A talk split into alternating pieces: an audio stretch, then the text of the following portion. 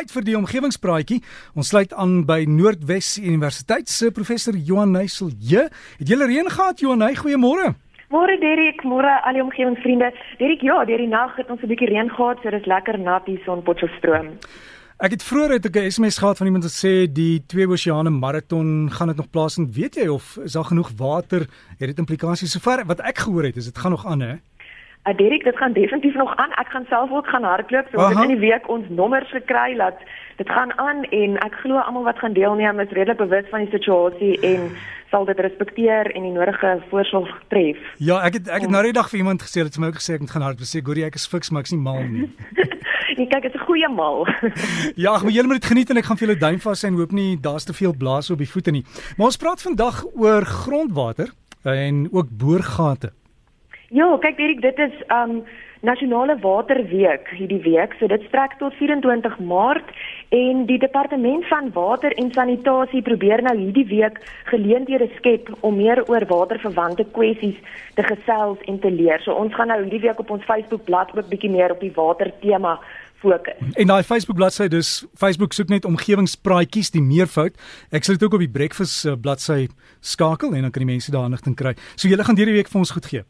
Ja, ons gaan hierdie week bietjie interessanthede deel uit verskillende bronne um, van die waterwese en van verskillende departemente hier op die universiteit wat studies het en sommer net bietjie wenke hoe almal meer waterslim kan wees. Hm. Maar nou die ondergrondwater, is dit water wat aangevul word deur goed soos reën of of gaan dit net leeg bly as ons dit uitpomp? Ja, kyk, die die die hoeveelheid water wat ons het, is die hoeveelheid water wat ons het, né? So ons moet baie slim dink oor dit. Maar ek dink tog die die huidige droogte en veral die hele situasie in Kaapstad het al die Suid-Afrikaners deeglik bewus kom maak van hoe belangrik hierdie water is en dat ons regtig nie sonder hierdie natuurlike hulpbron sal kan lewe nie.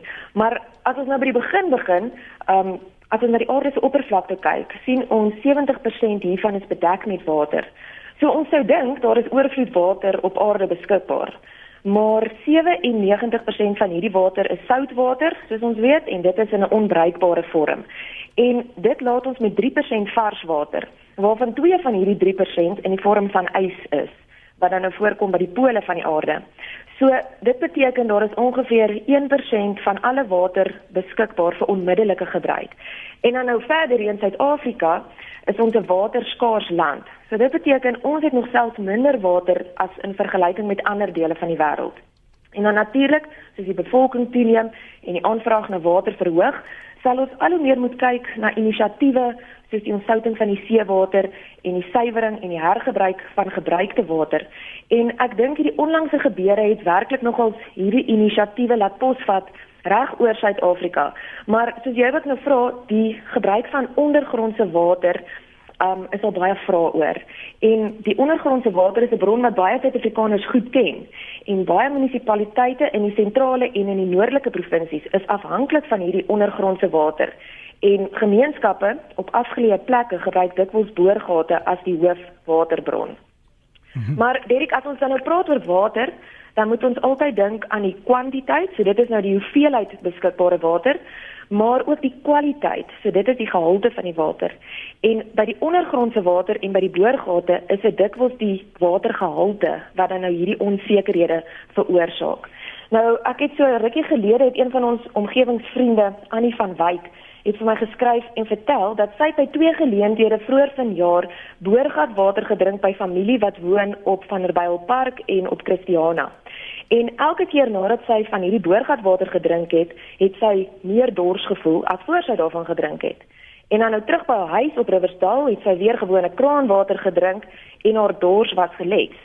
So Annie wou basies weet of is daar enige minerale in die boorgatwater wat dors aanwakker en dan natuurlik of hierdie boorgatwater nadelig kan wees.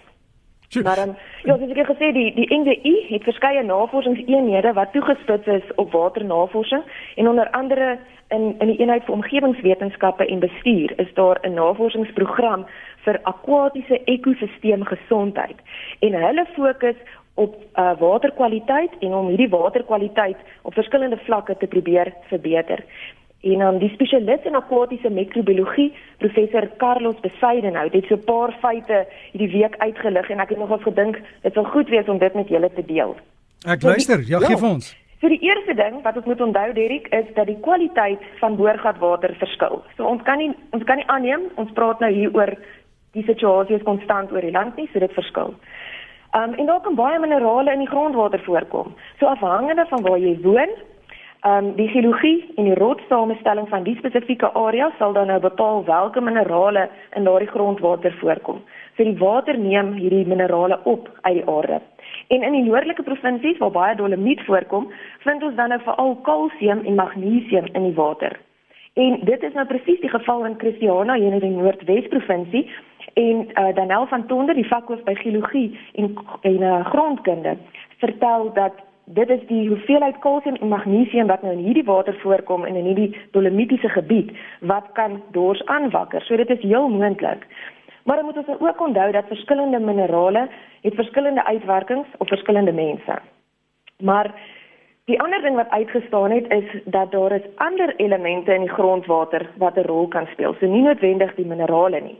En hierdie ander elemente is so skadelike mikroorganismes en dan nou veral die nuwe sintetiese middels wat in die grond afsypel en in ons grondwater beland. En daar's 'n persepsie dat wanneer grond deur al die grond of die water deur al die grond laag geperkuleer het, dit dan nou absoluut skoon is.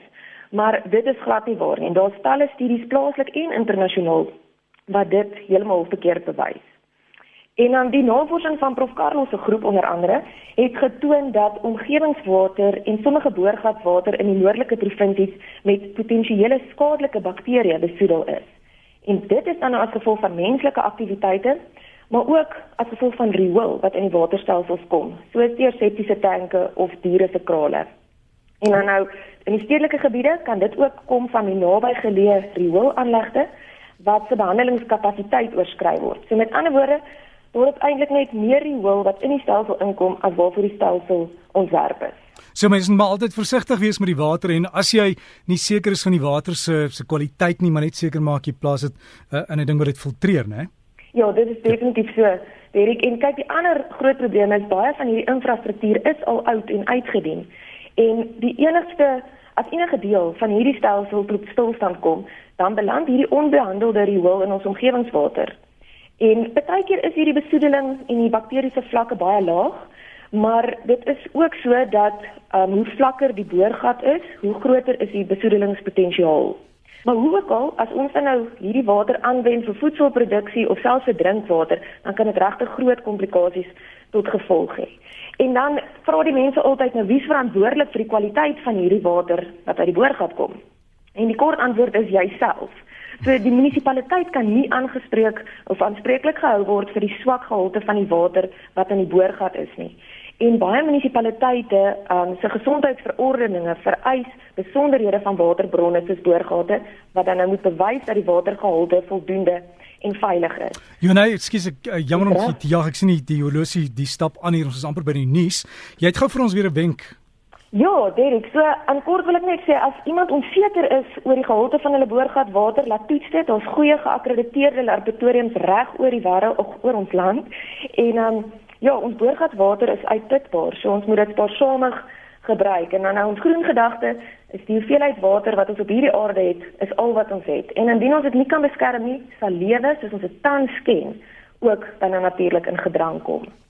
Ons hoor gesels ons saam met professor Johan Heiselje van Noordwes Universiteit, die Facebook bladsy is omgewingspraatjies.